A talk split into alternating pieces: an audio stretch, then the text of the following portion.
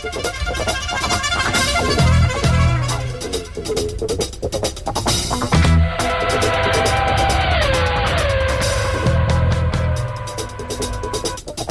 is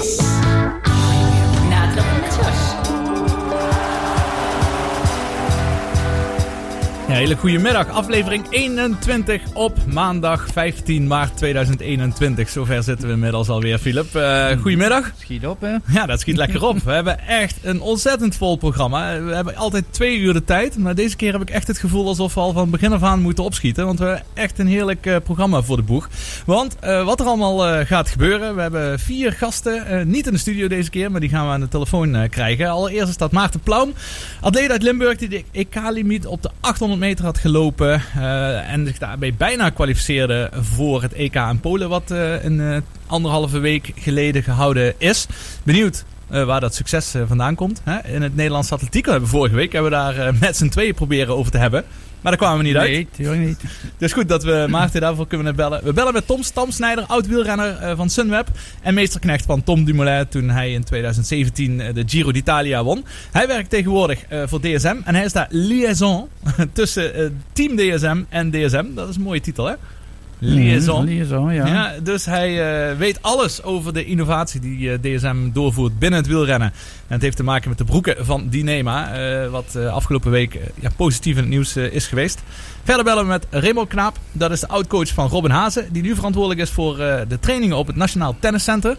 op het allerhoogste niveau. Benieuwd hoe dat wat dat betekent eigenlijk voor de Limburgse talenten. Want het is toch wel uh, een heel eindje. Het is allemaal Amstelveen. Dus hoe zien ze dat op regionaal uh, niveau? En als laatste bellen we met L1-verslaggever Sam Kale. Uh, want afgelopen weekend zijn de F1 bolides voor de allereerste keer in de rondes gegaan in Bahrein. tijdens het testweekend. Tijdens de eerste testweekend waar een beetje de ja, de bolides voor de eerste keer uh, zich laten zien. Maar misschien ook niet het achterste van de tong met nog laten zien. sluiertje ervoor, ja. Precies, ja. Ja. Dat had ook te maken met alle zand die daar op, opwaaide. Het leek meer op het Parijs-Dakar uh, in het begin.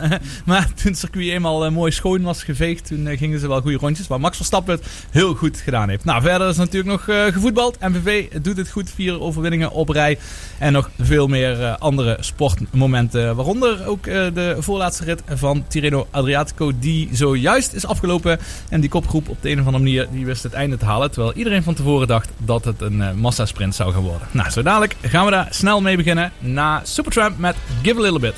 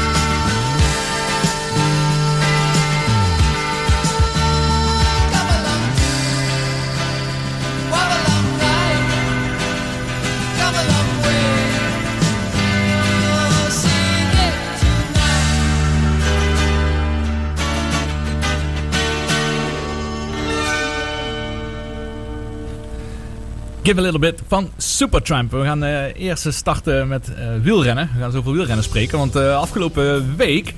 Ja, we hadden twee rittenkoersen, om het zo mooi te zeggen. Dat was natuurlijk Parijs-Nice en de Tirreno Adriatico. Ehm, nou, waar zullen we eens mee beginnen, Philip?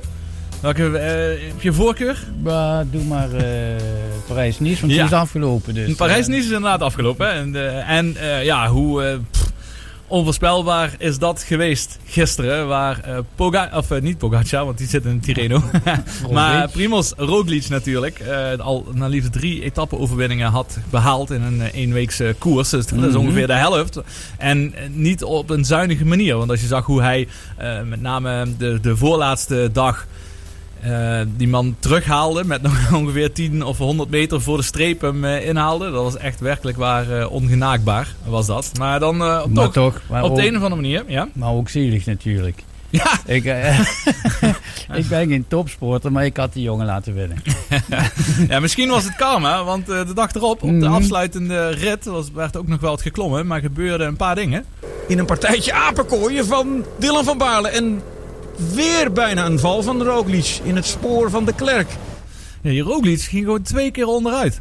In dezelfde afdaling. Mm En frappant dat er niet te zien was. Ja, dat snap ik ook niet zo heel goed inderdaad. Ja, en waar je dacht dat het een zogenaamde walk in the park zou worden voor Roglic. Mhm. Om daar even de titel eh, binnen te halen. Ging het helemaal mis. Ja, daar kom ik toch wel een beetje bij de vraag.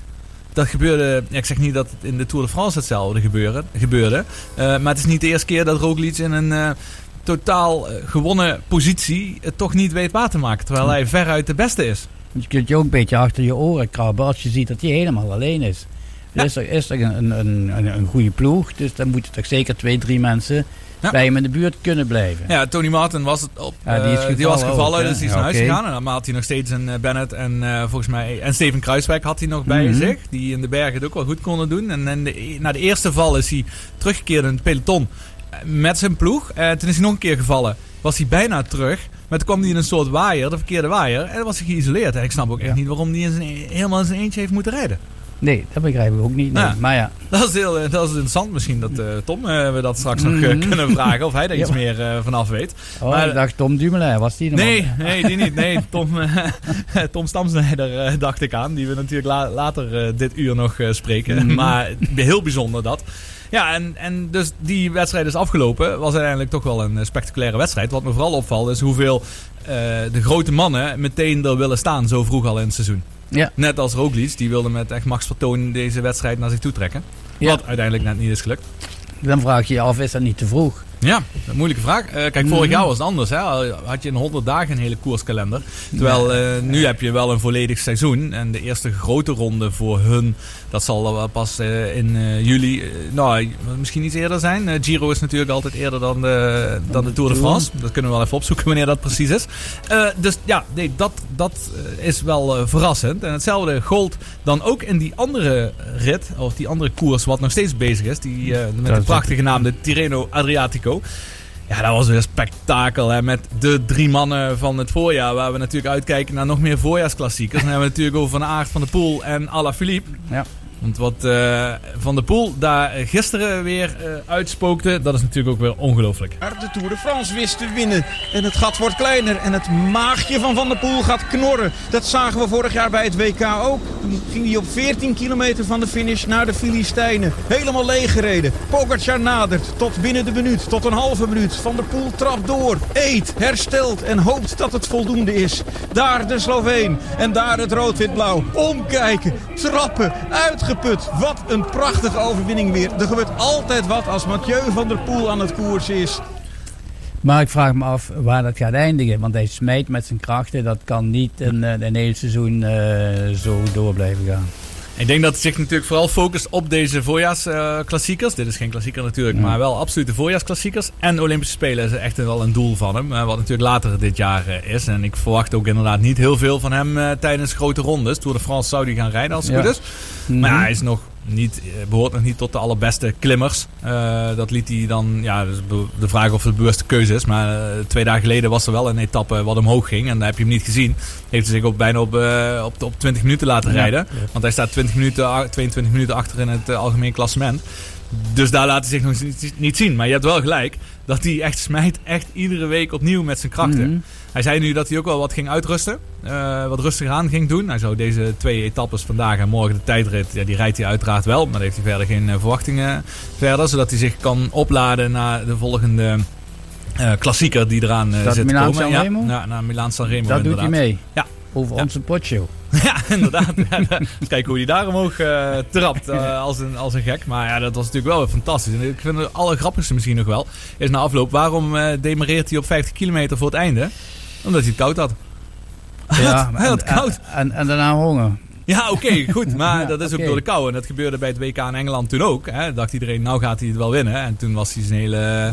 Was hij alles kwijt. Ja. was hij alles kwijt eh, Mhm. wat hij in zich had. Ja. Maar inderdaad, dus dat eh, was eh, wel heel bijzonder dat dat ehm, eh, toen niet lukte. En nu was ik even bang dat hetzelfde ging gebeuren. Maar dat was gelukkig niet gebeurd. En hij wist het wel te halen. Maar ja, in ieder geval Pogacar, die doet weer goede zaken. Want die gaat morgen de tijdrit rijden. En zal die winnen van eh, Van Aert. Wat ook knap is. Dat Van Aert deze ronde meer heeft gezien ja, als een... eh, echt als een koers. En niet eh, zoals Van de Poel, die al van, al van tevoren zei: ik, ga, ik wil etappes winnen. Nou, hij heeft er twee gewonnen, dat is heel knap.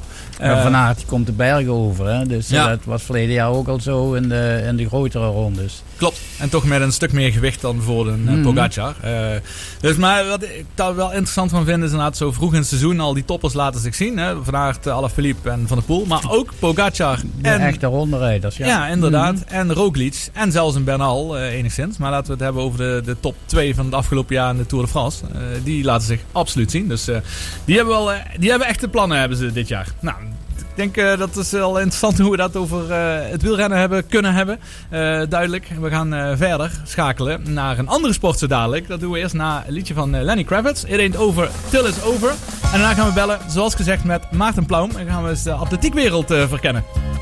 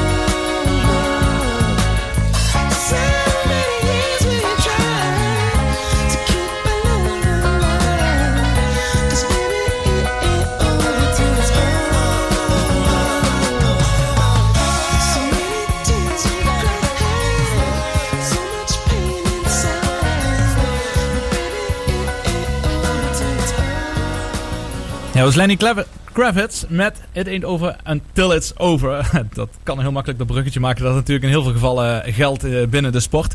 Uh, in ieder geval aan de telefoon hebben wij Maarten Plaum. Maarten Plaum is atleet. En uh, ja, we hadden vorige week heel veel vragen over het EK Indoor Atletiek in Polen. Waar Nederland vier keer goud haalde. één keer zilver en twee keer brons.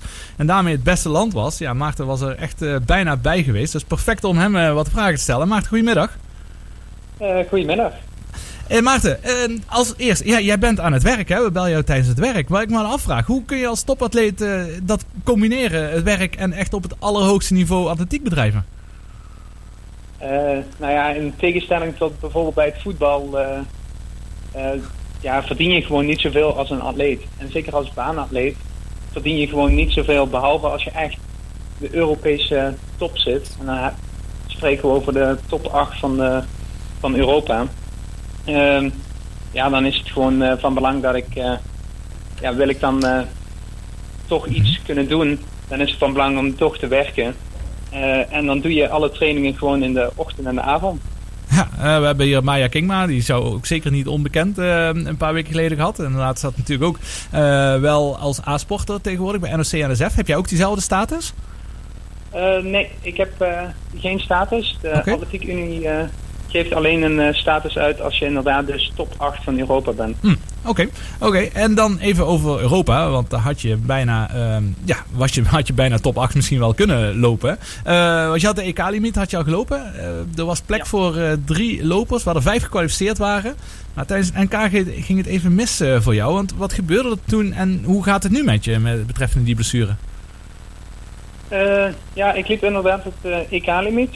En maar zoals je zei, waren er inderdaad meer mensen die het IK-limiet liepen. Um, maar we wisten eigenlijk al zeker dat uh, het NK dus uh, ja, doorslaggevend zou zijn. Dus uh, de eerste drie op het NK zouden mogen lopen. Eh, ik kwam de serie relatief eenvoudig door en ik was ook klaar voor de finale. En op de zondag was de finale en ik ging de, was bezig met de warming-up. En op het moment dat ik een versnelling inzette, om eigenlijk de benen een beetje klaar te maken, voelde ik een soort druk op mijn oren komen. Um, ja, het beste omschrijven alsof ik onder water ging. Um, ja, dat voelde gewoon ja, niet heel lekker, maar het trok ook weer snel weg. Ik dacht eerst dat het misschien wat suiker tekort was, dus snel wat, uh, ja. wat snoepjes gegeten.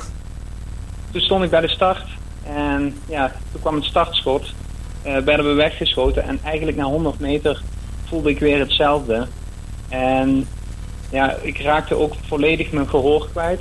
Eigenlijk door die druk op mijn oren. En ja, na een meter of 300, 400 hoorde ik helemaal niks meer. Ja, en toen uh, heb ik besloten om uh, ja, dat snap ik. te stoppen. Ja, dat is hartstikke eng, ja. uh, lijkt me op dat moment. Ben je erachter gekomen of is iemand erachter gekomen wat het was? Of heb je het daarna niet meer gehad? Uh, nee, eigenlijk uh, weten we niet wat het was. Op dat moment uh, ben ik snel ja, de catacombe ingegaan. ik heb de race nauwelijks afgekeken. Ik ben even een sportarts eerst nog even naar me gekeken. En die kon eigenlijk niks vinden. En zij raden ook aan om te kijken of dit vaker gebeurde. ik heb de week daarna gewoon een harde tempo gelopen op de baan. En ik had nergens last van. Dus waarschijnlijk was het gewoon domme pech. Misschien dat er iets vast zat. Uh, ja, dus heel erg balen op dat moment. Ja, absoluut balen. Ja, niks aan te doen. En ook niks meer aan te doen. Um, dan even dat achter je latende. Wat, wat zijn uh, voor jou in ieder geval dit jaar uh, nog doelen die, die je stelt of die je kunt, kunt gaan halen? Ehm, ja, even kijken. Het is, voor mij is het wel belangrijk om nu richting het ouderseizoen weer een stap te zetten. Dus ik heb vorig jaar met de corona hebben we het moet ik zeggen dat ik een, niet een hele grote stap heb kunnen maken. Ik denk dat dat mede komt omdat ik uh, geen mogelijkheid heb om krachttraining te doen. Op dit moment juist omdat er binnen morgen geen, niet gesport worden. Um, maar ik hoop dus eigenlijk na het ouderseizoen een grote stap en een grote hap van mijn persoonlijk record af te halen. Mm -hmm. op de Olympische Spelen denk ik persoonlijk dat dat nog een stapje te ver is op dit moment. Um, maar wie weet, in een, uh, Ja, want die, die- stadion zou dat natuurlijk eh, geweldig zijn. ja, dat snap ik zeker. Ja. Maar die limiet, hè, of eh, de Olympische Spelen limiet. Ik eh, heb even gezocht. Is het zo dat je top 36 van de wereld moet staan en niet direct een tijd eraan verbonden is? Ja, er, eh, er is nu langzaam een soort switch gaande. Vroeger was het zo dat je inderdaad een bepaalde tijd moest lopen. Dat Ja. was in Nederland vaak 1.45-2 uit mijn hoofd. Mhm. Ehm, ja, en ze willen langzaam naar de top 36. eh, juist om ook atleten. Er zijn een aantal atleten die zich een klein beetje verstoppen het hele seizoen. En die verblijven dan in de binnenlanden in Afrika. En die lopen één wedstrijd waar ze het limiet lopen. Vervolgens hebben ze een lange trainingsperiode en zijn ze op een top op de Olympische Spelen. Zijn natuurlijk ook niet traceren met eh, dopingcontroles, omdat ze niet op wedstrijden verschijnen. Ehm, dus vandaar dat ook de IAF langzaam richting die top 36 wil gaan. Ehm, op dit moment is het eigenlijk beide. Nederland heeft en een limiet gesteld. Dus loop je het limiet, dan mag je gaan. Ehm, en die top 36 die telt dus ook. Oké, interessant. Dat is een interessant verhaal, Ja. eh, inderdaad. En eh, ja, klinkt ook logisch. En, en goed dat er iets aan gedaan wordt op die manier. Want eh, even voor de beeldvorming. Jouw eh, beste tijd dit seizoen is eh 1 minuut 48,3. Hè, dus dan zou je, ja. wat je zegt, ongeveer een 2, 3 seconden zou je van een Olympische limiet af eh, zitten op die eh, 800 meter. Als ik het goed heb. Ja? Ja. Oké. Ja, dat is inderdaad eh outdoor. Ja. Eh, nee, dat is Ah. indoor gelopen. En outdoor is mijn PR 1.47.3. Ja. Dus outdoor loop je over het algemeen harder dan eh Ja. indoor. Ja, die vraag had ik ook inderdaad nog. Eh, die wil ik dan wel meteen eh, laten stellen om daarop op voor te borduren. Wat is het grote verschil? Want we hebben nu gezien een heel succesvol indoor kampioenschap. Maar is dat dan ook een garantie dat in de outdoor situatie dit doort- doortrekt? Nou ja, allereerst het grote verschil tussen indoor en outdoor is de lengte van de baan. Ja. Dus indoor heb je een 200 meter baan, waar je outdoor een 400 meter baan hebt. Eh, vandaar dat er ook indoor langzamer wordt gelopen. Want je loopt relatief meer bochten dan eh, op een outdoorbaan. Ehm, ja, of het succes doorgetrokken wordt, ik weet het niet. Eh, het is lastig te zeggen, want dit outdoorseizoen is er geen Europees kampioenschap, maar meteen de Olympische Spelen. En ik weet eerlijk gezegd niet ehm, of, of dit Nederlandse succes meteen ook door Ja. is naar de Olympische Spelen. Je hebt natuurlijk een paar uitschieters, zoals zo'n een Femke Bol bijvoorbeeld. Die zal het ook, eh, die zal hoge ogen daar gaan gooien. Maar dan gaat ze eh, zelfs de horde doen, hè, dacht ik. Ze specialiseren Ja, op die zeker. 400 meter horde in plaats van 400 meter lopen. Ja, ze is Ja. eigenlijk ook 400 meter Precies. hordenloopster. Ja. Ehm, dus die, eh, maar die wordt indoor niet gelopen. Dus toen Ah, maakten ja. ze de switch naar de 400. Ja, en daar is ze gewoon ontzettend goed, ook ontzettend goed in. Ja. Absoluut. Ja, dan wil ik die vraag ook Ja. stellen. Dat kwam mij vorige week niet uit. Waarom wordt die indoor niet gelopen? Is dat omdat dan de afstanden tussen de hordes niet gelijk kan zijn? Omdat je twee rondes Eh, moet lopen? Ja, op een indoorbaan heb je dus, ehm, de bochten zijn ook Ja, in een soort curve. Eh, ja, gemaakt. inderdaad. Dus dat is, dat is allereerst al lastig met de hordes. Punt 2, de atleten die lopen de eerste 150 meter in hun eigen baan. En vervolgens komen ze op de 400 indoor naar binnen. Ja. Als je dan allemaal een horde hebt, Ja, dat gaat het, niet. eh, Ja. erg lastig. nee, dat is, dat is zeker duidelijk, ja. Nee, mooi Ja. dat je dat zo, eh, zo kunt uitleggen voor ons. Ook eh, het verschil met indoor en eh, outdoor. Ehm, tot wanneer kun je je kwalificeren voor de Olympische Spelen? Is daar ook een limiet aan? Oeh, ja, dat, zal, dat zal ergens eh, halverwege in de zomer zijn. Vaak is dat twee weken voor de Olympische Spelen Mhm. zelf. Oké. En even nog als laatste, of verder borduren even op dat succes wat er op dit moment is. En het leeft gewoon heel erg in Nederland. Hè? Dat, dat, je leest er veel meer over, je ziet veel meer. eh, en dat komt natuurlijk ook omdat er medailles behaald worden. En dat is altijd interessant wanneer Nederlanders dat halen. Eh, heb jij een, een soort verklaring of eh, heb je dat zien aankomen? Hoe dat opeens Nederland zo goed is geworden in atletiek. Waar we toch altijd, ja, op een paar uitzonderingen na, niet de allersterkste waren? Nee, ik, eh, ik moet eerlijk zeggen dat ik wel dit een beetje zag aankomen. Want je zag bij de junioren al een sterke, sterke lichting ontstaan. En ik moet zeggen dat er nu ook bij de junioren nog een aantal jongens en meisjes rondlopen waarvan ik denk, ja, over een jaar of twee zie ik daar wel Europese toppers in. Eh, maar dat kwam er gewoon langzaam aan. En ik denk dat het een, gewoon een hele goede lichting is. Oké, en niet dat ze op Papendal nu een trainer zijn, buitenlandse trainer erbij is gekomen. Dat is niet direct uh, wat je verklaart. Uh, ja, heel eerlijk gezegd weet ik niet uh, wat de buitenlandse trainer anders zou doen. Hij, hij zal het ontzettend goed doen, maar ik ken, ik ken hem verder ja. niet. Dus ik weet ook niet ja. hoe en wat. Want jij komt natuurlijk zelf uit voor Unitas, hè, ja. voor de vereniging. Ook heel succesvolle atletiekvereniging. Maar dat, dat, het landelijke succes, heb je daar zelf ook voordeel bij? Of merk je daar zelf iets aan? Uh, het landelijke succes? Ja, ik bedoel, was je daar meegenomen? Want jij doet het natuurlijk supergoed. Uh, maar er zijn er meerdere die het op dit moment heel erg goed doen. Nou ja, het is, het is natuurlijk uh, puur uit motivatie is het wel gewoon heel fijn om te zien dat andere jongens ook heel hard lopen. Want dan uh, word je zelf ook getriggerd. En zeker als die wekker dan om 6 uur s ochtends gaat ja. om te trainen. Ja, hmm. dan denk je wel van, hé, hey, die andere jongens trainen ook. Dus ik moet ja. het ook doen. Dus, ja, uh, zeker. Ja, dat, daarin helpt zeker. het wel, ja. Ja, er is, uh, precies. Als jij in slapen bent, zijn er wel andere mensen aan het trainen aan de andere kant van de wereld. Inderdaad. Niemand zit stil daar. Dus dat is een hele goede, hele goede motivatie, is dat, ja. Nou, mooi Maarten. Leuk, heel interessant even om te horen. Kijk even naar Filip hier in de studio of jij nog vragen hebt. Is er ook een limiet aan het aantal deelnemers op één nummer? Het nummer wat jij loopt, kunnen daar maar 1, 2, 3 of, of iedereen die de limiet haalt meedoen? Als nee, dat zijn er dat zijn er weer, wederom drie. Dus uh, okay. op de Olympische Spelen en eigenlijk ook de Europese kampioenschappen mogen er steeds drie man per land uitkomen. Mm -hmm. uh, dit hebben ze zo gedaan omdat de echte hardlooplanden zoals in Kenia of in Ethiopië, ja. Ja, die hebben op de, bijvoorbeeld de marathon wel 100 man die mm -hmm. zich kwalificeren. Ja, Oké. Okay. Mooi Maarten, dankjewel uh, ja. voor je tijd. Uh, ik wens je heel veel succes ook uh, de komende periode. Dat je hopelijk toch veel buiten mag doen en dat we nog mooie resultaten van jou mogen zien. Gaat helemaal goed komen. Goed zo, dankjewel. hoi, hoi. hoi. Fijne dag. Hetzelfde.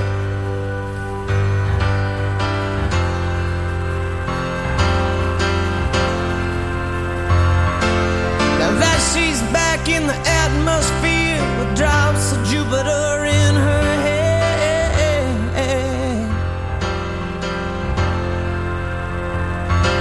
She Acts like summer and walks like rain. Reminds me that there's a time to change.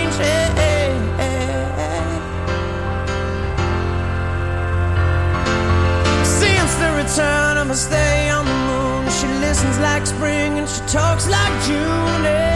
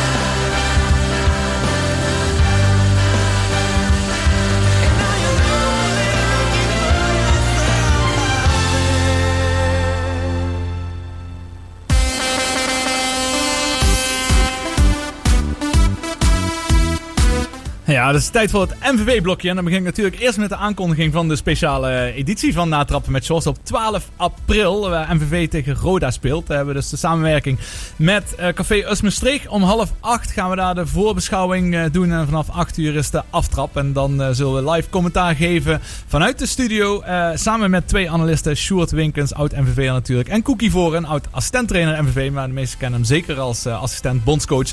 Tijdens het succesvolle WK in Zuid-Afrika in 2000. 2010. Dus dat belooft een hele mooie uitzending te worden. En het mooie is ook natuurlijk dat de MVV wat dat betreft het ook echt serieus goed aan het doen is. Want laten we eerst heel even kort terugblikken op de afgelopen wedstrijd uh, vrijdag uh, tegen Jong AZ.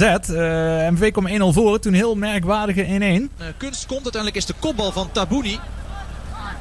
En dan is het uiteindelijk een doelpunt geworden zelfs. Omdat de grensrechter heeft aangegeven dat de bal over de doellijn is geweest. En dat moet hier dan gebeurd zijn. Ja, echt bizar. Ik weet niet of je gezien hebt, Philip. maar Mike Haverkotte die, die uh, blokkeert een bal en uh, die haalt hem uit de lucht. En terwijl hij in de lucht zit, wordt hij ook nog eens geduwd door een uh, aanvaller van Jong AZ. Waardoor hij waarschijnlijk over de doellijn is gekomen. Maar als hij niet aangeraakt was binnen de 5 meter, was hij ook nooit over die doellijn gekomen. Dat is echt schandalige uh, scheidsrechterlijke dwaling, zou ik, uh, zou ik wel willen zeggen. En daardoor werd het dan 1-1. Uh, uiteindelijk werd 2-1. En het is nog serieus spannend geworden. Maar, maar gelukkig, gelukkig was daar nog Anne Nouts op het allerlaatste moment. In de 80ste minuut. 3 tegen 2. Als NVV het heel snel uitspeelt. Nouts moet het zelf doen en doet het ook voor NVV. En zo werd toch nog een overwinning. 3-2 eh, tegen Jong AZ. Dat betekent dat Leij Bovens, eh, de teammanager, ja, zijn snor gaat verliezen. Daar waren alle spelers wel meteen klaar voor. nee, heel knappe, heel knappe overwinning op karakter. zoals ik al zei, vier wedstrijden achter elkaar gewonnen. Maar ook daarvoor werden natuurlijk al meer wedstrijden gewonnen. En dat heeft ertoe geleid dat MVV op dit moment op de 11e plek staat. Terwijl voor de winterstop stonden ze nog de 19e plek. En uh, waren ze bijna laatste. Nu 11e plek staan slechts vier punten achter op Excelsior. Die op de 9 plek staan. Nou, iedereen weet ongeveer wel dat vanaf plek 8 na competitie weer mogelijk is. Daar wordt over gesproken. Alleen, ja, dan heb ik toch wel slecht nieuws. Niet alleen dat Roda op de achtste plek staat. Dat is voor Maastrichtenaren meestal wel slecht nieuws. Maar die hebben 45 punten. Dus dat zijn uh, toch een 13 punten dat MVV achter staat. Uh, met nog een uh, zes wedstrijden te spelen is dat ja, een beetje ver weg uh, lijkt het. Uh, dus ja, dat, oh, dat is trouwens niet waar, zes wedstrijden wat ik zeg. want er zitten natuurlijk 20 teams in de keukenkampioen divisie en geen, geen 18. Dus er zijn inderdaad nog 10 wedstrijden zijn er te spelen. Dat zijn er een heel stuk meer. Dus daar kan wellicht nog een en ander gebeuren. Vorige week hebben we het gehad over uh, wat uh, relletjes die er waren bij PSV en met Iataren. En mm -hmm. bij Vitesse met uh, Boadou, of Bazour. Bazour was dat. maar zelfs MVV ja, die had afgelopen week ook een heel klein uh, ralletje te pakken. En uh, trainer Kalesic. Ik vind persoonlijk jammer als coach van Raoul dat hij als, als exponent van jonge spelers zo vroeg, als dat niet het geval is dat die andere club heeft, dat hij zo vroeg in het seizoen opgeeft en, en daarmee zijn karakter laat zien dat hij niet wil strijden voor zijn basisplaats in het elftal. Maar juist na een aantal wedstrijden die hij niet heeft gespeeld, eigenlijk handdoek in de ring gooit. En daarmee gewoon een, uh, ja, laat zijn karakter overspoelen. Nou, zijn harde uitspraken van, uh, van de coach. Uh, hij had in ieder geval Rolast, verdediger en, uit Maastricht. die had aangegeven op social media dat er geen plek meer voor hem was volgend jaar. En dat hij geen contractverlenging zou krijgen. Wat volgens MVV gewoon niet aan de orde is. Hè, omdat ze nog met een paar uitzonderingen dagen laten. Thomas van Bommel kleine en nog eentje, dan weet ik even niet precies wie. Die hebben in ieder geval wel al besprekingen lopen daar al voor het volgende seizoen. Maar alle andere spelers die hebben nog geen contractverlengingen aangeboden gekregen. En zo ook niet Raoul Last. En toch had hij al het gevoel, of in ieder geval uh, vond het nodig om te zeggen dat hij ja, geen contractverlenging krijgt. En op zoek ging naar een andere club. Dus ja, dat is jammer. ze hebben een buiten selectie gehouden de afgelopen wedstrijd. Maar als ik het goed heb begrepen, is hij inmiddels wel weer opgenomen terug in de selectie. Nou, als laatste dan nog heel even in dit MVV-blokje, want stiekem toch wel wat, wat nieuws. Is dat Mike Haverkotte genomineerd is, de keeper. Genomineerd is voor het beste keeper van de derde periode. Uh, hm. Dus ik zou uh, zeggen, zoek de website op van de keukenkampioen divisie. Zodat je allemaal op hen kunnen stemmen. Het zou mooi zijn als MVV in ieder geval die prijs weet, weet, te pakken. en als allerlaatste nieuwtje hierin. ik las net dat de programmering van de vierde periode wellicht gaat veranderen. En dat alles weer op de vrijdag gespeeld gaat worden. Uh, want nu wordt alles verspreid van uh, vrijdag tot en met maandag. Om zoveel mogelijk op tv te krijgen. Maar als dus uh, mensen weer toegelaten worden in de stadions. Dan gaat weer alles terug naar de vrijdag. En eventueel de maandag. Dus of dat gevolg heeft voor MVV Roda, dat weet ik niet. Voorlopig staat nog in ieder geval dat gewoon 12 april is. Maar mocht dat veranderen, dan, gaat, dan hoor je het uiteraard. Nou, voordat we ons allemaal het verslikken zijn hier. Ja, inderdaad. Droge lucht hier in de studio waarschijnlijk. Gaan we snel even wat muziek draaien. En daarna uh, gaan we, zoals gezegd, gaan we bellen met Tom uh, Stamsnijder. Oud-wielrenner en tegenwoordig uh, liaison van DSM.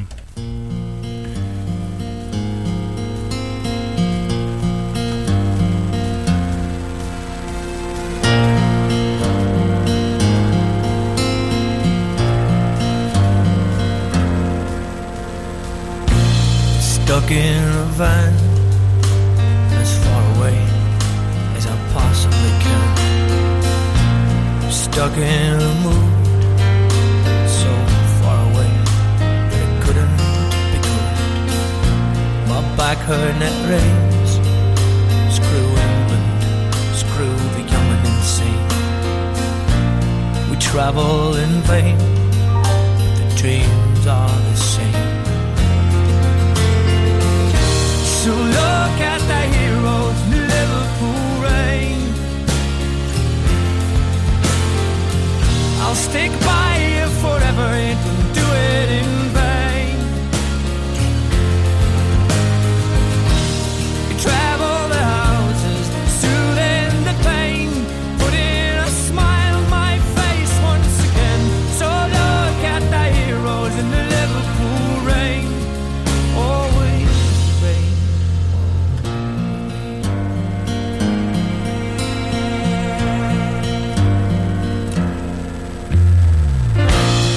stuck in a van. To be honest, man, well, I don't give a damn. I'm stuck in this mood, and to be honest again, well, it kinda feels good. Though my back hurt it rains, it rains and it rains. Screw England, well, we'll be young and insane. 'Cause it's part of the game, and the dreams are the same, are the same, always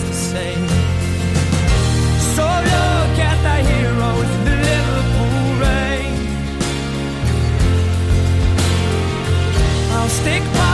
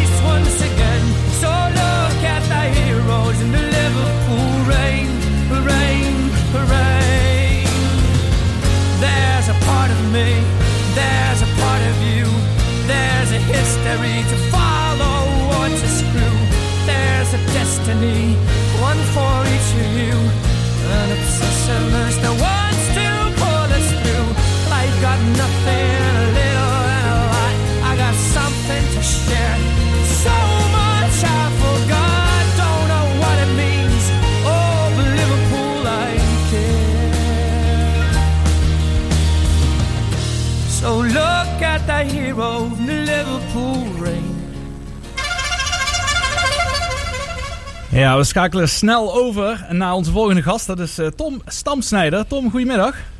Goedemiddag. Nou, super leuk dat je even mogen spreken. Want jij weet natuurlijk alles over uh, Team DSM. En even over Team DSM. Die was afgelopen week namelijk twee keer heel positief in het nieuws. Want allereerst natuurlijk met de overwinning van uh, Kees Bol in de tweede etappe van uh, Parijs-Nice. En hoe vreemd het ook klinkt, ook na de val van Lorena Wiebes in de Healthy Aging Tour op het circuit van de TT in Assen. ja, jij zelf hebt twee keer ja, de Giro gewonnen, mogen we zeggen. Hè, als team. Eerst met Dennis Menchoff en daarna met Tom Dumoulin in 2017 natuurlijk. Ehm, dus Even over het Dynema-verhaal. Of nee, laat ik eerst zeggen, wat is er precies gebeurd uh, met uh, Lorena Wiebes? Uh, ja, Lorena die viel helaas in, in de finale van, van een, volgens mij was dat, ja, welke etappe weet ik niet meer precies, maar die viel in het aanloop van een sprint. Mm -hmm. en waardoor ze helaas niet meer tot sprinten toe kwam. Maar gelukkig waren de gevolgen minder erg door, door toedoen van het product Dynema. Ja, want ik heb- DSM eh, maakt. Ja, precies. Want ik heb wat beelden gezien. Eh, en kun je dan eh, even uitleggen wat, eh, in ieder geval foto's na afloop van haar broek en, eh, en haar truitje, haar shirt. Eh, kun je dan even uitleggen wat Dynema is en waarom dat zo belangrijk is geweest bij die valpartij? Ah ja, eh, eh, Dynema is een, eh, eh, is een vezel, een supersterke vezel die eh, vijf, 15 keer sterker is dan staal eh, bij hetzelfde gewicht. eh, maar wel zo licht dat hij kan drijven op water. Die vezel hebben we gebruikt om eh, te verwerken in, in het, eh, de base layer en en, een, eh, en de broek. Eh, dus die hebben we verwerkt in een stof. Ehm, en daardoor dat helpt om, om, om de, ja, tegen schaafwonden en eh, het verminderen van de, de, de, de, de uitkomst van een valpartij. Dus het tegengaan van diepere wonden, eh, zodat de renners beter beschermd zijn. Ehm, eh, dus we hebben ook het vezel verwerkt in een, in een shirt. Helaas had ze het die niet aan tijdens, op het moment dat ze viel.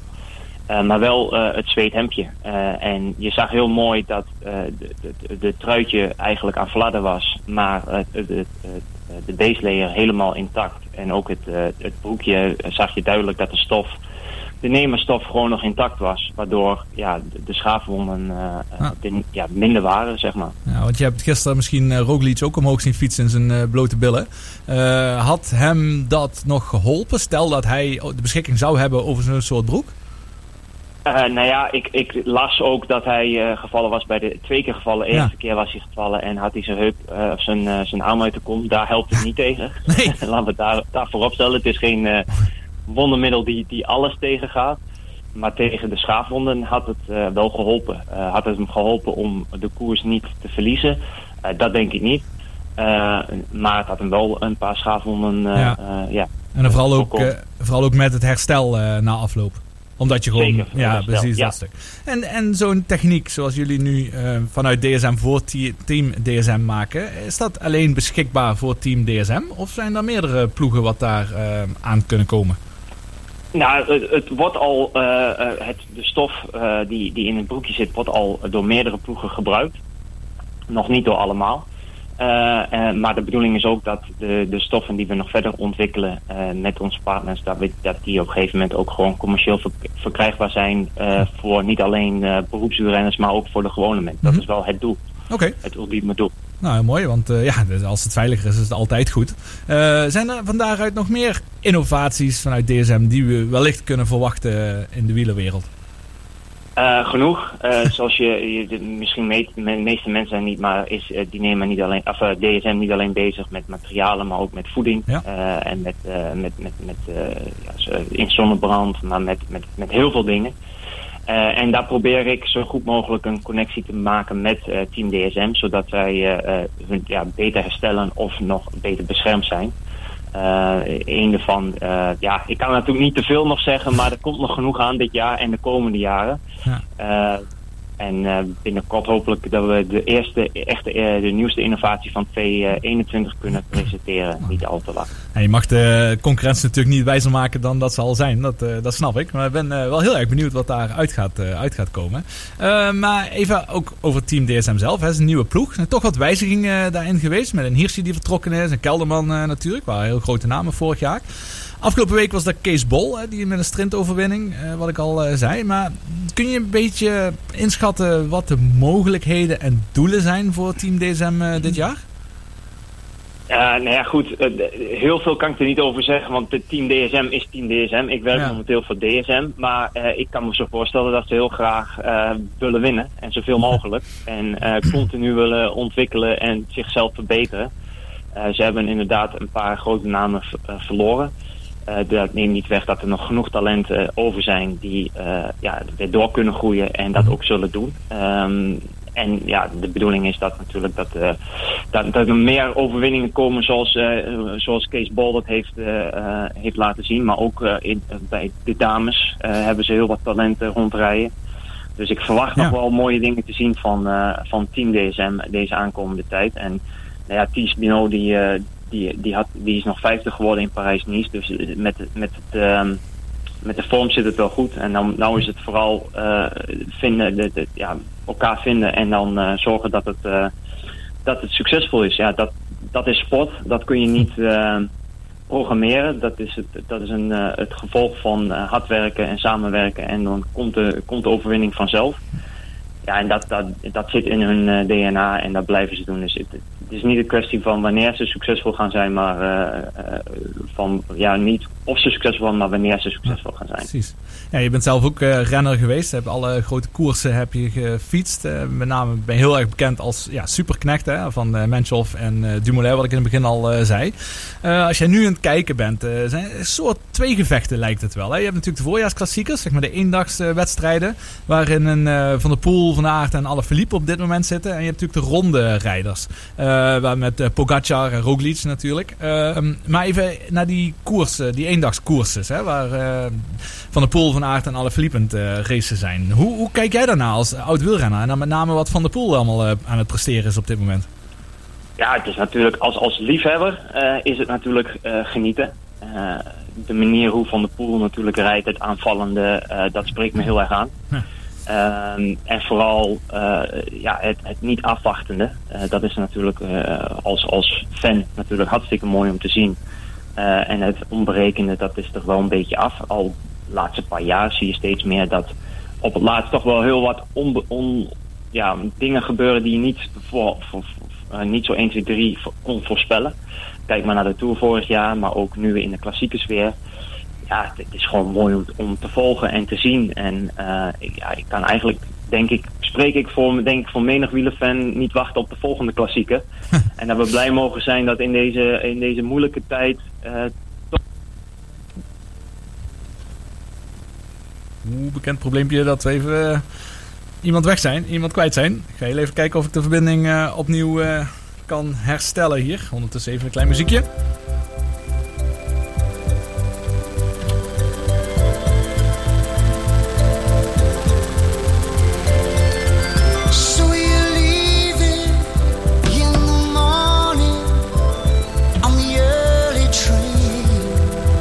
Tom, ben je terug? Ja, ik ben terug. Heel goed, heel goed, ik hoor je weer. Eh, nee, inderdaad, die, je had het, eh, toen net voordat je wegviel, zei je inderdaad over hoe mooi dat die races zijn. Dat we niet hoeven af te wachten op die eh, klassiekers, omdat het nu al fantastisch gaat, hè? Ja, ja, ja het, is, het is gewoon fantastisch om, om, om elke dag weer, elke wedstrijd weer gewoon naar attractief fietsen te kijken.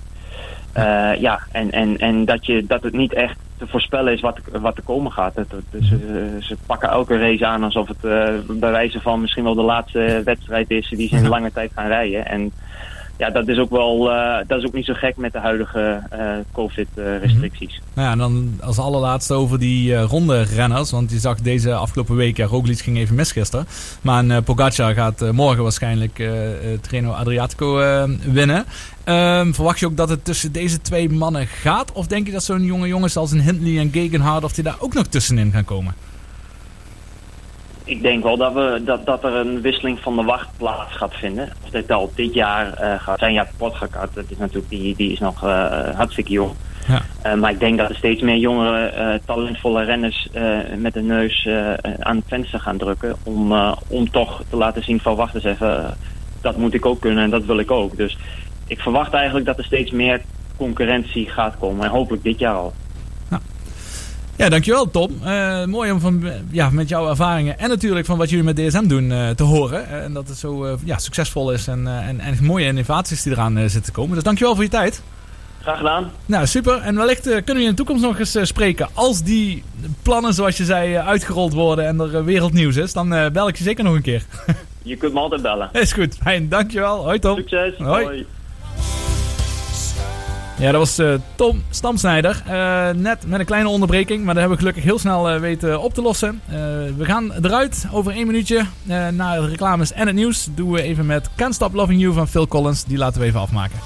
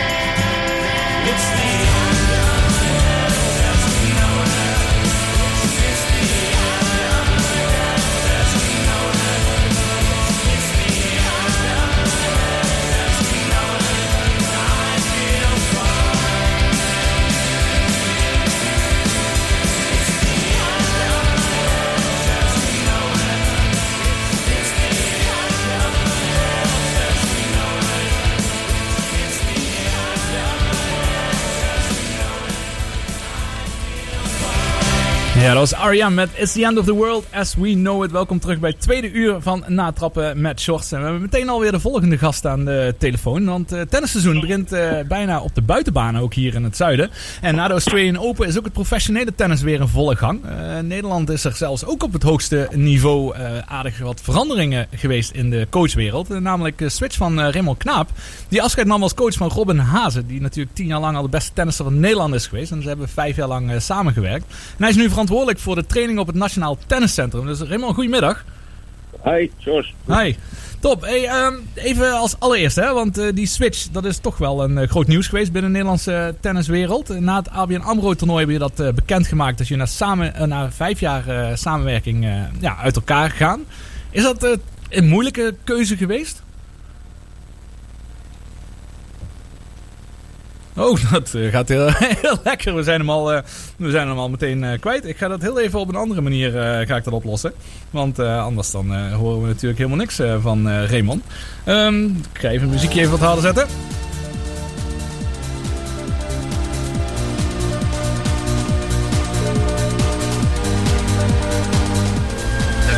Ja, je viel opeens helemaal weg. Maar nu kunnen we je sowieso wel horen. Op deze manier. Wat, ik je, wat ik je net vroeg. Is, ehm, is het een moeilijke keuze geweest om eh, na vijf jaar eh, dan, ja, te stoppen met Robin, met die samenwerking? Eh, ja, tuurlijk. Kijk, je, je, je maakt heel veel mee samen. Goede tijden, slechte tijden. Tijden waarin zijn fysiek heel slecht was. Ehm, ehm, hoogtepunten in, in zijn, maar ook in mijn carrière. Dus dat, dat doe je niet zomaar, die beslissing maken. Maar ehm, hij was wel overwogen. En, en wat ik nu doe is, is ook echt fantastisch. Zeker. Ehm, is dat eigenlijk, heeft de KNLTB, hè, heeft hij jou al op voorhand eh, benaderd? Of eh, is dat echt na afloop gekomen? Staat die beslissing helemaal los daarvan? Nee, het, is eigenlijk eh, in heel goed overleg gegaan. Dus als ik niet deze functie bij de Tennisbond had genomen, dan had ik gewoon met Robin doorgewerkt. Eh, Robin vond het een, vindt, vindt het een hele belangrijke positie die ik nu inneem. Eh, die gunt het mij dat ik die functie doe. Eh, en heeft ook gestimuleerd. Die zegt, joh, dit is echt belangrijk dat jij, dat jij op die positie komt, dus, dus ga ervoor. Zeker. Kun jij een beetje uitleggen wat die positie inhoudt? Ja, het is, het is een nieuwe, nieuwe positie. Ehm, ik, ik zelf heb ergens het idee van ik ben een soort interne consultant. Ik ben een soort manager van alles. Er zijn een aantal jongens met wie ik eh, wat intensiever zal samenwerken.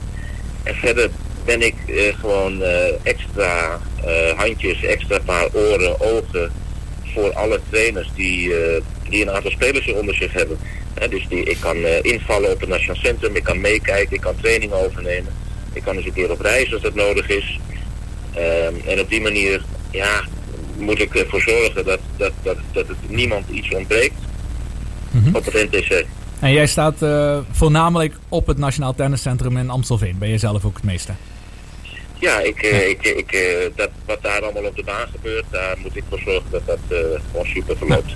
Ja, dan heb ik inderdaad daar wel een belangrijke vraag over. Ik zit natuurlijk helemaal in de andere kant van het land. In Maastricht zit ik hier. Ehm, en als er hier wat talentvolle spelers zijn die daar echt serieus mee om willen gaan...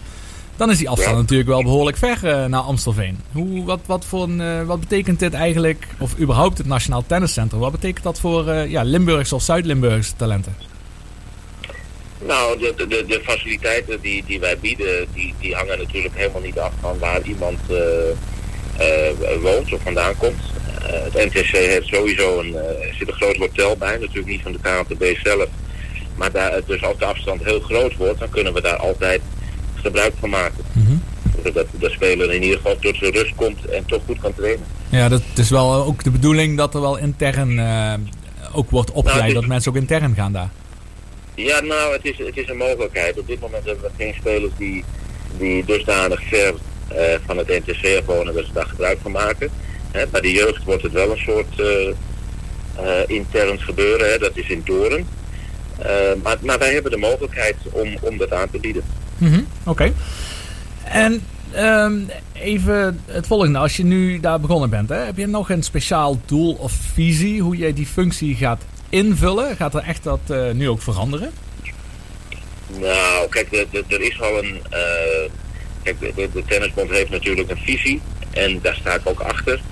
Ehm, we doen het samen. Ik, eh, ik bestaat als het ware bijna niet. Eh, eh, er zijn een aantal, ja, ze vragen een holistische benadering van, van, van, van, van, de, van het spel. Dus het gaat niet alleen maar om, om tennis, tennis, tennis. We kijken ook echt naar de, de persoon. Hè. Het is de persoon die tennist. Het is niet een tennisser die ook toevallig eh, mens is. Eh, en, maar daar hebben we wel redelijke overeenstemming eh, over gevonden met elkaar. ehm, hoe we het willen aanpakken. Ja, en dat, ehm, want je bent nu ook vorige week eh ben je in Sint-Petersburg een hele week eh, geweest. Hè, met toch een wat nieuw, voor jou zeker, nieuwere generatie. Je hebt natuurlijk heel lang maar één speler eh, gezien. Als je dan met meerdere spelers daar bent en je bent een challenger, dus net het, net het niveau onder de hoogste ATP-niveau. Zijn er nog dingen die jou opvallen in die nieuwe generatie? Qua spel of benadering? Nou, het, het, het leuke was, de drie jongens die ik mee had, die hebben denk ik alle drie echt, echt grote verschillen in waar ze eh, verbeteringen kunnen maken.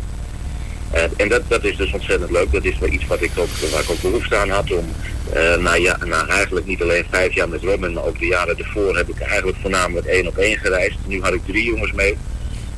Super gaaf om dan in die drie verschillende jongens met drie verschillende karakters zo te verdiepen. Dus het is niet zo dat ik zeg van oh ze komen alle drie dit tekort, want ze zijn echt anders. Ze hebben echt allemaal eh, hun eigen kwaliteiten en hun eigen verbeterpunten. Ehm, ja, en, en wat je wel ziet is dat al die jongens ongelooflijk goed kunnen tennissen.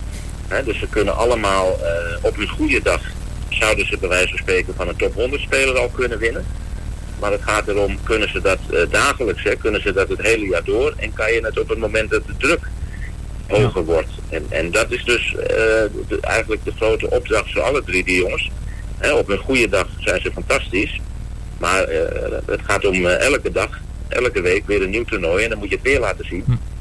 En dat is, dat is, dat is zeg maar de, de gemene deler voor alle drie die jongens. Ja, want we hebben vorige week hebben we het ABN AMRO toernooi ook nog redelijk nabeschouwd. Ehm, en dan als je het over de Nederlandse inbreng hebt. Ja, Robin, jij zat natuurlijk op de tribune tegen Andy Murray. Maar ook Bootjes van der Zalm, Schulp eh, tegen Koric. Eh, allebei echt goede tegenstanders. Maar allebei qua tennis gewoon gelijkwaardig. Sowieso, hè. Want ze hadden ook eh, hadden echt kansen om te winnen. Maar toch gebeurt het dan net niet. Is dat ook precies hetgene wat jij bedoelt net? Ehm, Dat qua nou ja, tennis goed is, maar dat er net iets anders wel, nog bij komt kijken? Nou, het is, het is dan net eventjes doordrukken op bepaalde big points, zeg maar. Eh, en dat, dat, dat is Robin bijvoorbeeld heel vaak gelukt. Maar dat is ook een kwestie van, eh, ja, eh, de juiste vorm hebben, juiste vertrouwen hebben. Om ook op de big points dat niveau dan te laten zien. Om die wedstrijd naar je toe te trekken. En dat zag je ook bij Botik in die wedstrijd. Qua tennis inderdaad weinig verschil. Maar ja, die, die was gewoon van het eerste tot het laatste punt iets stabieler. Ja. En, en dat maakte wel het verschil. En dat maakte ook eh, uiteindelijk de, de reden waarom Robin die wedstrijd net niet naar zich toe trok. Mhm. Ja, dat was inderdaad heel dichtbij. Ja, Corrie is natuurlijk sowieso topspeler, hè, voormalig eh, Ja. top eh, 10 en nog steeds eh, top eh, 20 dat hij eh, staat, dus dat zeker. Ja. Maar ja, jij, even ook als allerlaatste hierin, jij zat eh, zelf in, eh, in Ahoy, in een leeg Ahoy. Ik moet zeggen, het oogde vanaf, ze hebben echt enorm hun best gedaan met licht en eh, camera, et cetera. Maar het oogde een beetje, ja, eh, sfeerloos, bijna treurig dat het zo leeg was. Hoe, hoe heb je dat zelf ervaren als je in een, eh, in een stadion nu zit waar niemand mag zijn? Nou, eh, weet je, kijk, als die wedstrijd helemaal begint, dan ben je daarmee bezig. Dus dan valt het je niet zo op. Ik moet zeggen, Ahoy heeft een waanzinnige job gedaan Ja. om er eigenlijk juist een soort tv-productie van te maken. Dat, kreeg ook heel veel complimenten kreeg, kregen zij omdat, hoe mooi ze het hadden aangekleed. Hè, dat het toch nog voelde als een soort van centercourt. Ja. Die, niet- dat, niet, met- dat je niet bij wijze van spreken 15.000 lege plekken zat te kijken. Eh, Ja, zeker. Ja. Maar het, het is natuurlijk niet hetzelfde. Het is, het is, eh, en het, het is niet eens voor de spelers ook dat het, het feit dat er niet alleen geen publiek is, maar ook dat je in een bubbel zit. Hè, je, je mag niet s'avonds, we kunnen ook niet eens s'avonds even naar een restaurantje, maar je mag eigenlijk niet eens even een wandeling maken. Dat maakt eigenlijk het, het grote verschil in het, in het leven. Want er zijn ook toernooien op de proftour. Als je op een bijbaantje speelt, dan speel je wel vaker een eerste ronde dubbel of een eerste ronde single Mhm. voor misschien maar 30 of 40 mensen. Ja. Dus ja, Murray en Federer, dat zijn jongens die zijn niet gewend om zonder publiek te spelen.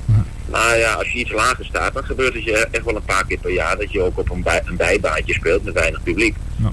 Maar, dus, maar het is het randgebeuren, eh, hè, vooral de bubbels, het vele testen, wat het, wat het toch voor een hoop jongens eh, ja, wat, wat minder prettig maakt op het moment. Ja, dat, dat snap ik. En ja, goed, we zeggen het iedere week. Hopelijk kan dat snel veranderen en dat we weer eh, tribunes zien. Want vorige week bijvoorbeeld in eh, Qatar, ja, daar zaten toch wel mensen op de tribune. En dan is het toch wel weer net wat lekkerder om naar te kijken en, eh, en de geluiden, de echte geluiden te horen. Hè?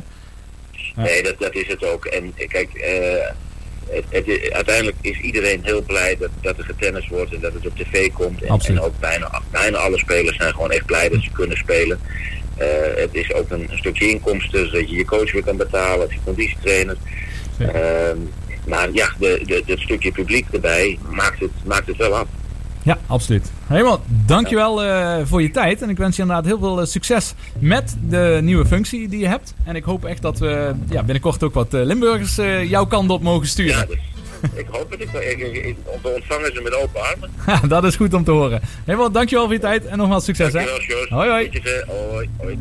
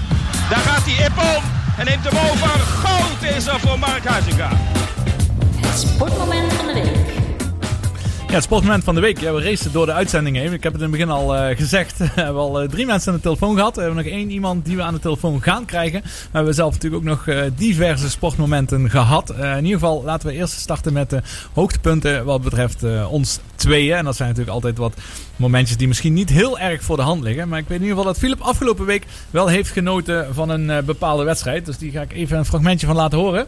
Van een eh, behoorlijke afstand. Sergio Oliveira. En een doelpunt, een doelpunt van Porto. Chesney in de fout. Het wordt eh, Porto hoogstwaarschijnlijk dat doorgaat door een doelpunt van Sergio Oliveira. Juventus Portu of Portugal. Porto. Bijna goed.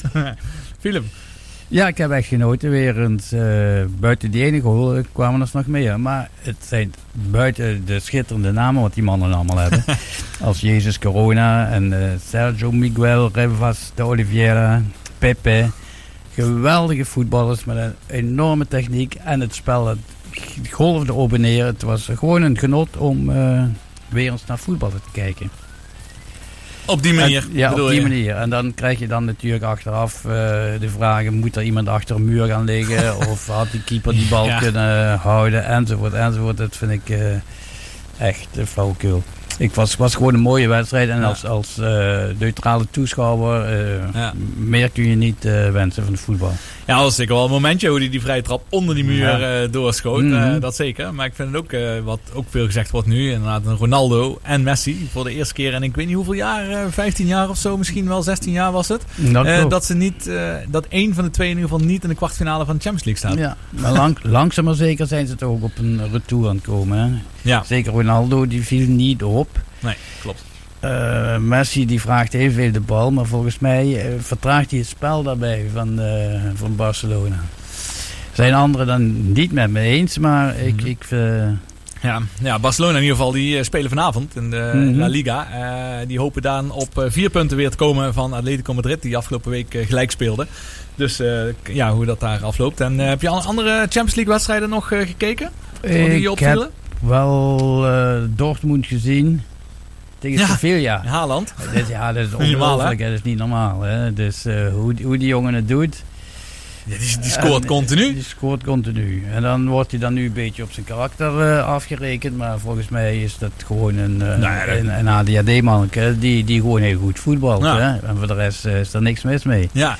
En dan, maar dat, dat ben ik wel benieuwd naar. Eh, er gaat een moment komen dat hij weggaat. Dat hij weggaat. Ja, en dan zijn er maar een paar grote clubs die hem kunnen betalen. En dan hebben we het over de Real Madrid of de Manchester Cities en, en, en dat soort eh, ploegen. Zijn zaakwaarnemer is eh, die eh, Raiola. Hè? Mhm. Dat is ongelooflijk. Hoe kan hoe hij opeens alle topspelers heeft, dat vraag ik me ook af. Maar goed. Maar dan ben ik benieuwd inderdaad of wat hij laat zien bij Borussia, of hij dat ook eh, bij een andere club kan laten zien. Maar dan moet je dat goed uitkiezen. Want de kans is nu, Dortmund die speelt om hem heen. Dus Ah. als, en als je dus nu naar, naar, naar Real Madrid of, of weet ik veel waar naartoe gaat, dan, dan ben je weer een eenling. Ja, dus- ja. Dus, en dat gebeurt zo vaak. Dus daarom moet je niet meteen kiezen voor de, voor de hoogste salaris of de mooiste club. Maar kijken naar een club die voor jou willen Ja, voetballen. dat is natuurlijk continu het eh, verhaal. Mhm, ja. Eh, je kunt bij een club supergoed doen omdat het hele systeem om jou heen past. En Mhm. eh, dat jij mooi eh, aangespeeld wordt en in de posities komt. Maar ja, als je naar Barcelona zou gaan, ja, dan ben je één van de sterren. En iedereen wil op zijn manier voetballen. als voorbeeld. Of maakt niet uit welke andere club. Maar dat Ja. is inderdaad een groot verschil. Dat is mooi wat Sander Kleikers vorige week zei met Mathieu van der Poel. Hè, dat is eigenlijk Nou ja, is- om hem heen, die ploeg is om hem heen gebouwd. gebouwd, en, ja. en, en daardoor presteert hij. En als hij naar een Jumbo-Visma als voorbeeld gaat, ja, Mhm. dan wordt hij ook een van de. Dus ja. ja, maar toch denk ik dat het wel een keer gaat gebeuren dat hij eh, gaat verkassen vanaf eh, Sowieso, Borussia naar een andere club. ja. Nou, ik heb een ander, heel ander eh, momentje uitgekozen. Die hadden we eigenlijk allebei zelf al uitgekozen, want jij vond het ook eh, fantastisch. Mhm. Eh, een heel kort fragmentje. Ik ben benieuwd of iemand dan überhaupt weet waar het over gaat. Penalty, maar het mag al niet meer baten. Nieuw-Zeeland pakt de volle winst, 5-3. En ze hebben nog maar twee overwinningen nodig om de cup te behouden. Nou, welke cup hebben we het dan over? Dat wordt moeilijk hè, voor de leed. Ja, denk ik zeker, ja. In ieder geval, het gaat om de America's Cup. En dat zijn zeilboten. En dat zijn niet zomaar zeilboten. Maar laten we eerst even over die America's Cup beginnen. Eh, Dat is de 36e editie. Eh, in Auckland wordt die gehouden. Er doen altijd vier landen aan mee. En het is al 170 jaar oud, deze wedstrijd. Echt de oudste prijs ter wereld. Als, in 1850 werd hij als eerste gehouden. En is ongeveer om de drie à vier jaar wordt deze gehouden. En dat zijn echt een... Ja, het is niet normaal wat voor boten dat dit zijn. Dit lijkt wel... eh, ja, outer space. Hè? Dat lijken wel eh, ruimteschepen. Als je ziet hoe mooi dat deze zijn vormgegeven, hoe groot. En nu met die nieuwe, nieuwe foil techniek die je overal in ziet terugkomen. Tijdens de Olympische Spelen zullen we Badloo eh, eh, op, met het surfen heel goede kans op goud zien maken op planken. Nu ook met foil technieken, waardoor je dus uit het water wordt gedrukt en veel minder weerstand is. Dus deze boten die halen ook gewoon 100 km per uur. kunnen die bereiken. En dat zijn echt gigantisch grote boten. Ja, de winnaar mag een nieuwe boot ontwerpen. En dat vind ik wel een grappig eh, detail. En daardoor zie je ze ook iedere keer veranderen. Zoals in dit geval is de eerste keer dat, ze, dat het foilboten zijn. Ja. Maar wat we ook zagen, is eh, nu wordt weer met de hand eh, worden zeilen gehesen. Maar je hebt ook in het verleden wel eens eh, ze zien fietsen. Fietsen. ja. Dan vraag ik me toch af waarom dat dan nu weer in ieder geval eh, gaat. eh, Nieuw-Zeeland gaat dit hoogstwaarschijnlijk winnen. Want ze staan 5-3 voor. En de eerste die zeven races wint, die wint. Maar op de een of andere manier ja, wordt dit met de hand gedaan. Terwijl een tijd Mhm. geleden deed ze het fietsen. Ja. ja, je zou zeggen met je benen heb je meer kracht, ben je sneller. Ten opzichte van je handen. Maar het is, eh, ja, het is echt eh, fantastisch om eh, te zien. Ik zou zeker iedereen eens aanraden om, om op de NOS te kijken. Daar was een klein documentairetje, kunnen we het noemen, van een 4, 4,5 minuut. Waarin precies wordt uitgelegd, niet alleen wat die America's Cup is, maar vooral ook hoe de... Ja, hoe die race Hoe eraan, techniek hoe die werkt. techniek werkt. Dat is Mhm. echt heel interessant en indrukwekkend om te zien.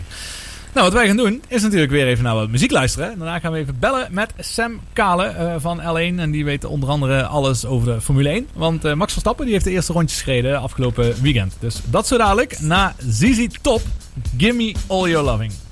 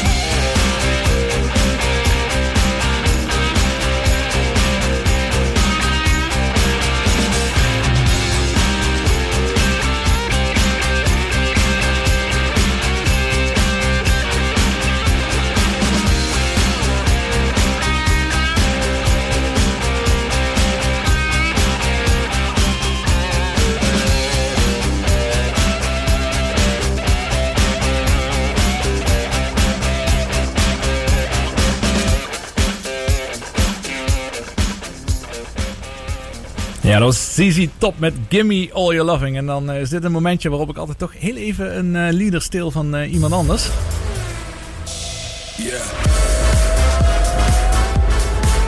Ja, dat was de leader van Pitlane, het, het Formule 1-programma op L1. Eh, want Sam Kale, ja, die weet natuurlijk alles van de Formule 1. En die zal ongetwijfeld een beetje duizelig zijn van alle rondes die hij afgelopen weekend gekeken heeft tijdens de testdagen in Bahrein. Waar ook over twee weken het Formule 1-circus eh, van start gaat. Welkom Sam. Ja, dankjewel. Ja, ben je- weer met de thuiszichtigheid door. Maar uh, Ja? ik ben wel blij dat het weer begint. Ja. Ja, dat kan ik me heel goed voorstellen. Heb je echt heel veel eh, gekeken?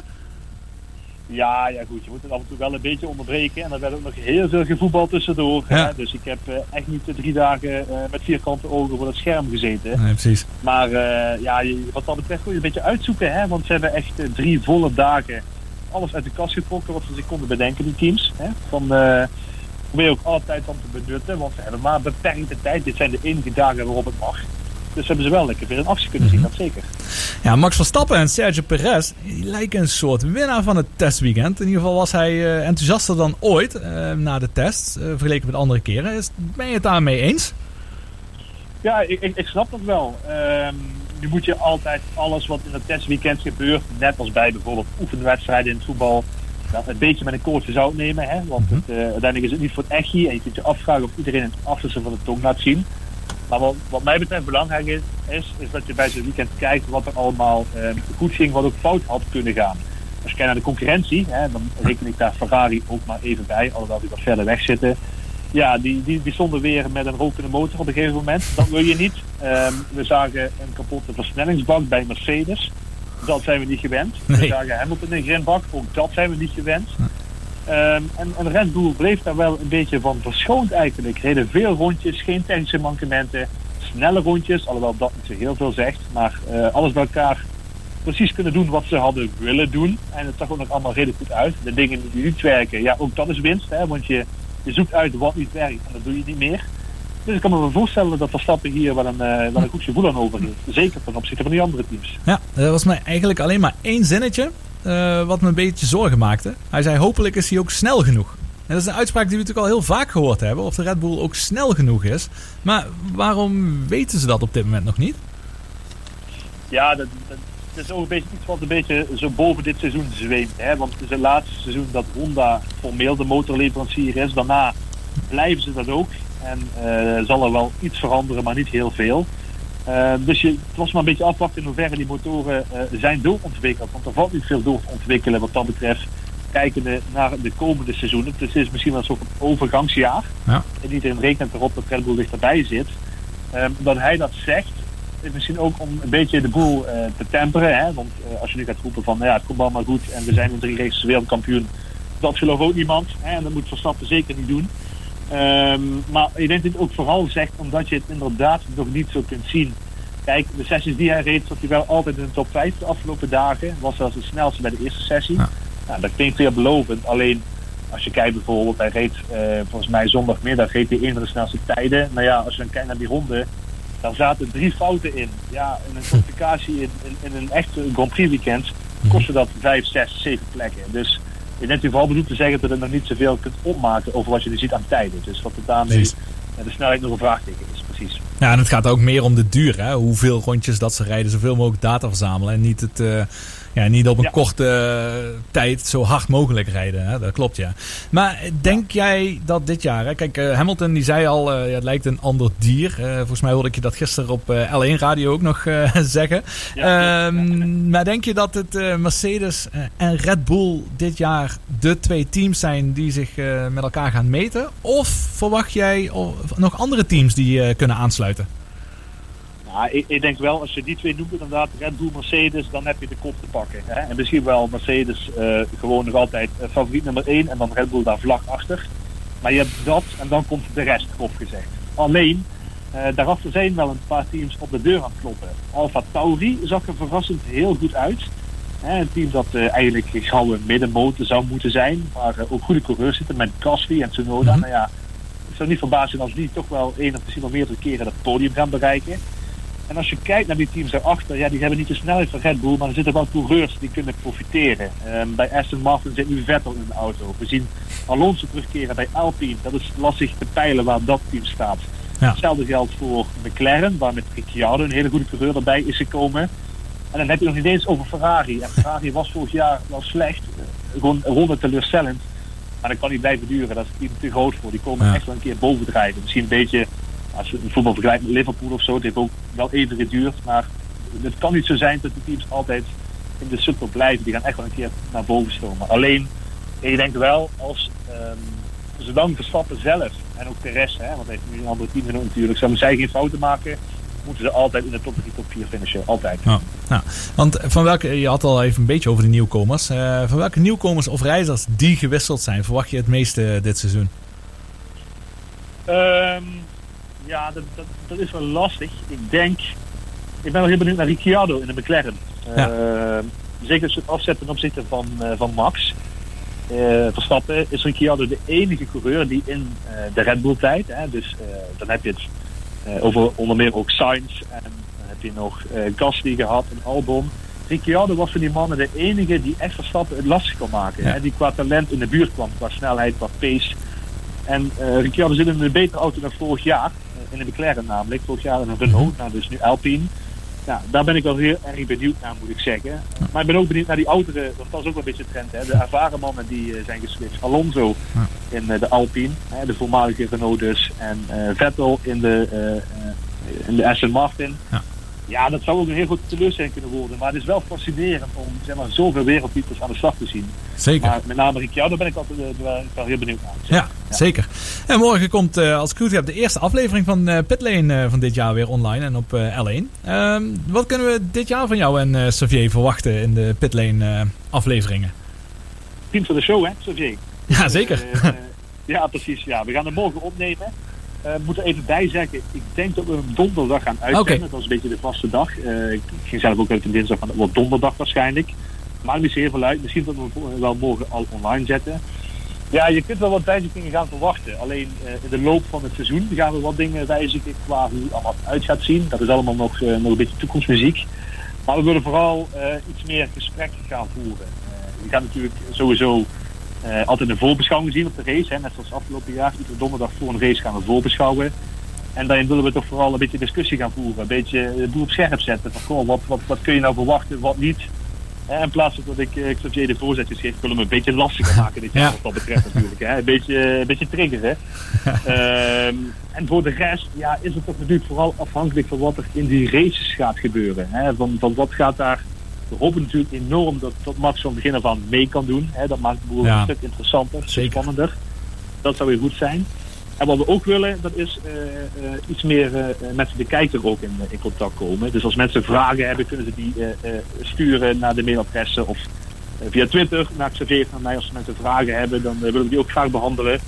Want ja, wij, dat, dat, dat merk je ook als sportliefhebber, denk ik. Als je echt in de sport zit, dan zit je zo te redeneren binnen je eigen kaders, hè, binnen wat je weet. Terwijl je toch vooral wil vertellen wat mensen misschien nog niet weten. zeg Ja, maar. Dus heel dat, goed. eh, daar zijn we ook heel benieuwd naar. Ja, absoluut. Ja, dan mijn laatste vraag aan jou. Ehm, wat is jouw voorspelling? De top 3 tegen het einde van het seizoen, als we in Abu Dhabi staan. Wie is wereldkampioen, wie is nummer 2 en wie is nummer 3 volgens jou? Oh, dat is wel een gewetensvraag. Ja, ik zal hem niet opnemen, oké? ja, we zijn nog niet toch live, hè? Dus Ja, precies. Dan houden we nog uit. nou, nee, dan, dan denk ik... ehm, nou, laten we Perez maar op drie zetten. Want, want dan moet er een keer een Ja. tweede coureur in die Red Bull zitten. Hè? Of die andere waren ook goed, maar iemand die echt, echt een uh, Mercedes lastig kan gaan maken. Ja, dan doen we Hamilton op twee. Laten we dan toch maar gaan zo Max, hè? Ja, ja. Met die, eh, met die wereldtitel. Ja, Ja, daar is hij het dan. is wel zo, als er een jaar is waarin die dichtbij zou moeten zitten, waarin het kan. Ja. Dat hebben we natuurlijk vaker geroepen. Het gaat alleen maar dichter bij elkaar. Dus eh, het wordt tijd om een keer te gaan oogsten, wat mij betreft. Dat ben ik helemaal met je eens. En eh, net als Hoe- iedereen... Wat, denk je zelf? Wat denk jij? Ah, Denk jij dus zelf? ah, jij bent ook echt een journalist, hè? Jij komt gewoon terug met die vraag. het, val- het valt me ook op dat je Bottas nergens dan eh, erin zet. Ehm, nou, dan, ik denk dat ik voor... ehm, nou, ik ga voor Bottas, Verstappen, Hamilton. Met bij, als wereldkampioen. Ja, de- dus derde, derde bedoel ik Bottas. Tweede Ah. Verstappen en wereldkampioen eh, Hamilton. Dat is hoe ik hem eh, inzet. Eh, maar ik hoop eigenlijk op jouw voorspelling. Philip, durf, durf jij er eentje? Ik ben met jou eens. Met mij eens. Nou, Ja. dat is je graden, want je zit hier in de studio. dus dat is heel goed. nee, mooi. Ja, Sam, ik hoop dat jij gelijk gaat krijgen. Dat gaan we zeker volgen. Succes met Pitlane. Leuk dat jullie weer ook een beetje een nieuw format erin gaan hebben. Ik raad iedereen aan om dat iedere keer op donderdag voor de race te gaan kijken. En bedankt voor je tijd. Leuk, dankjewel. En eh, veel plezier nog met eh, de rest van de show. Komt goed, dankjewel. Hoi hoi. Hoi. Dankjewel, hoi. Thank you for coming home. Sorry that the chairs are all warm. I left them here, I could have sworn. These are my salad days, slowly being eaten away. Just another play for today. Oh, but I'm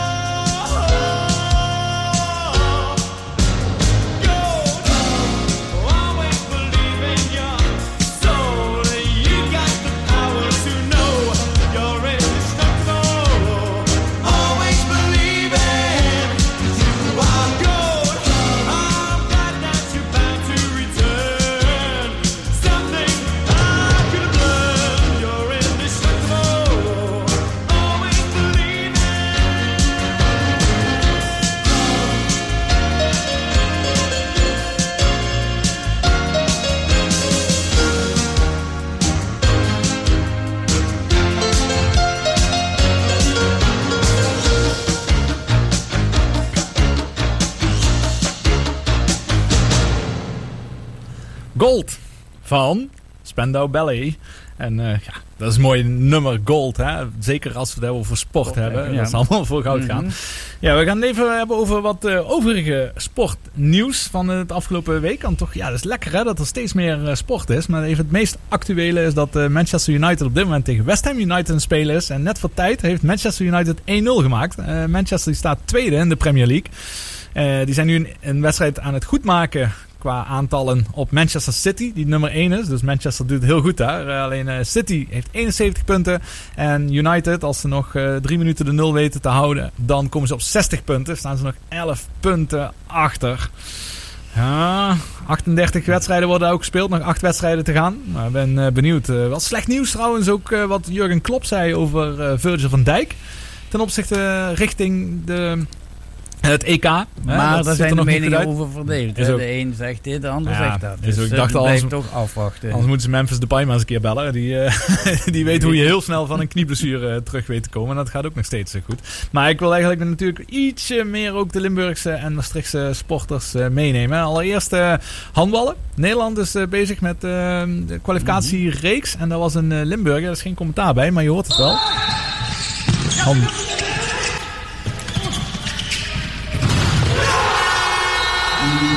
Dat is wat je noemt een buzzerbeater.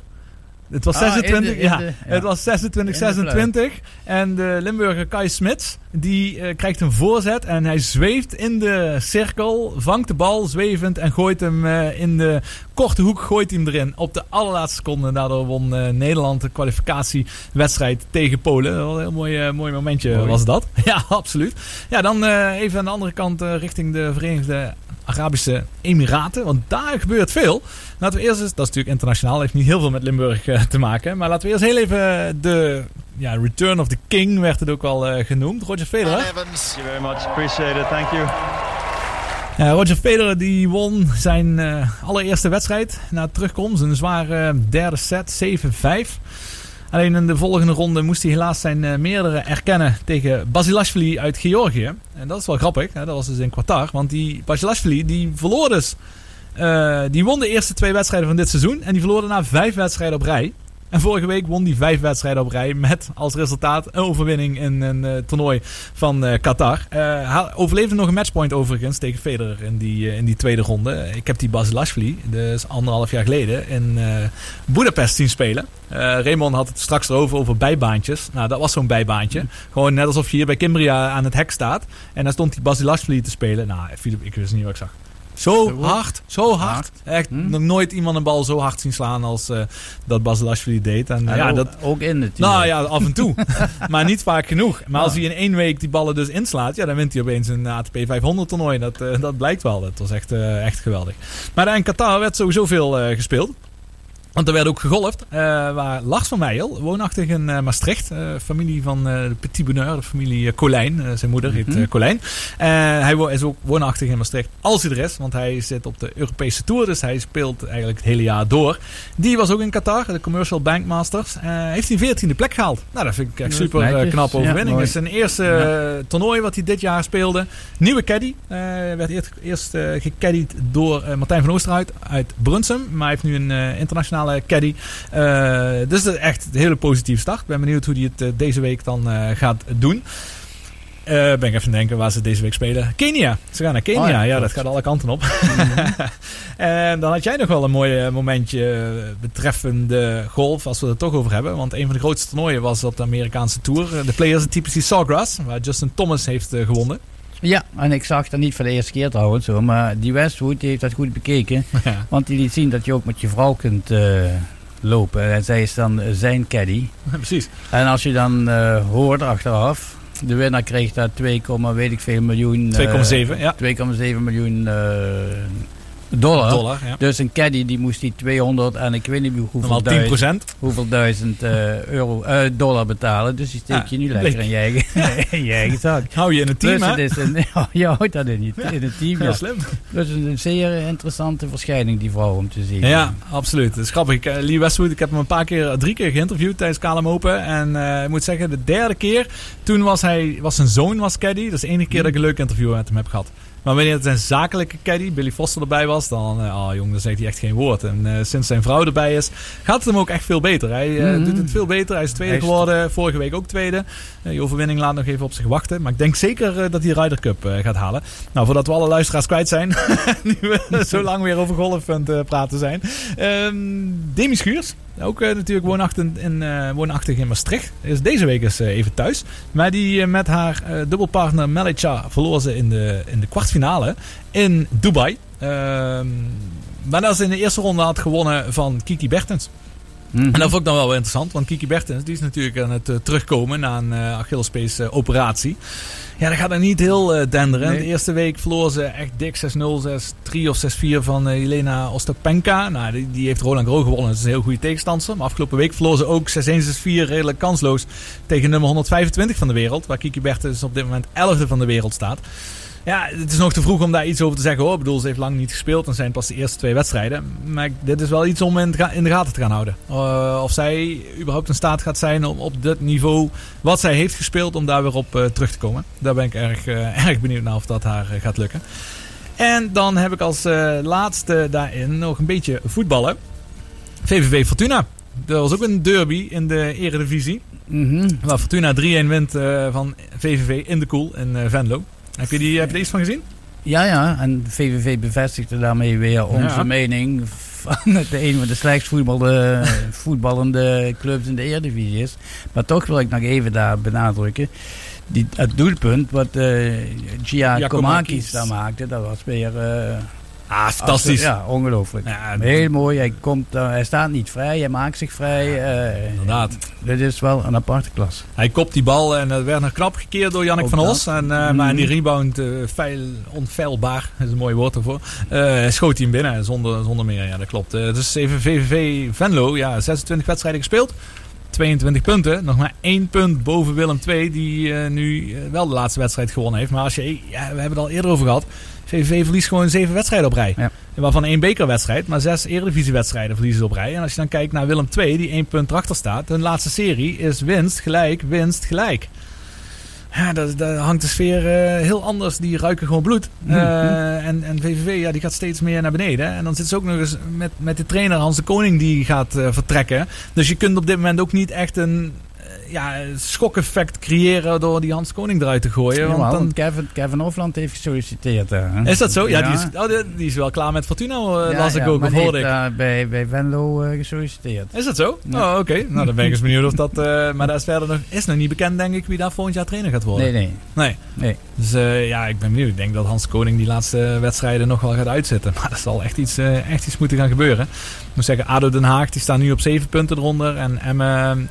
Die staan op 8 punten eronder. Maar ja, ook zij halen meer punten dan dat Vendo heeft mm -hmm. gedaan. In ieder geval, dat is uh, eigenlijk nog de overige sport van, uh, van de afgelopen week. En zo zijn we heel snel weer, Philip, aan het einde gekomen van onze uitzending. We hebben nog 2,5 minuut. Deze keer gaan we wel een beetje met muziek uh, eruit. Hè. Kunnen we onze stemmen op het laatste nog even, even sparen.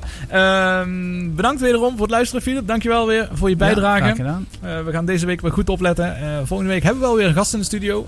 Gino, trainer van Lemonias hier in Maastricht. Die is heel ambitieus en die wil echt hoger op gaan. Misschien dat die Leonidas. Leonidas, sorry. Ja, ja misschien dat... wat zei ik? Lemonias? Lemonias. Ah, dat is een tennisclub tennis, in Den Haag. Nee, daarom. Slecht ja. Tennisclub in Den Haag. Maar Leonidas, die bedoelde ik inderdaad. Mm.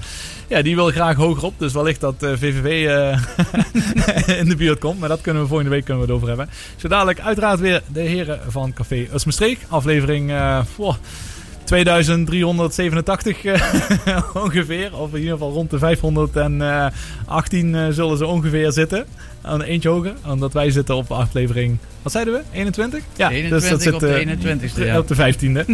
die ga ik nog terug. Ik ga die nog terug luisteren. Of, dat, of ik daar met aan gesproken heb. Helemaal in het begin. Mm -hmm. En zo praten we hem toch wel bijna helemaal vol. maar dat gaan we zeker niet doen. Want dan blijven we bezig. Bedankt voor het luisteren allemaal weer. Onthoud 12 april. Als het inderdaad niet veranderd wordt. Maar ik ga er vanuit 12 april. MVV Roda JC. Uh, dan moet je zeker bij RTV Maastricht zijn. Om live verslag te horen. En de beste analyses van Cookie Voren en Sjoerd Winkens. Tot de volgende week. Bedankt voor het luisteren.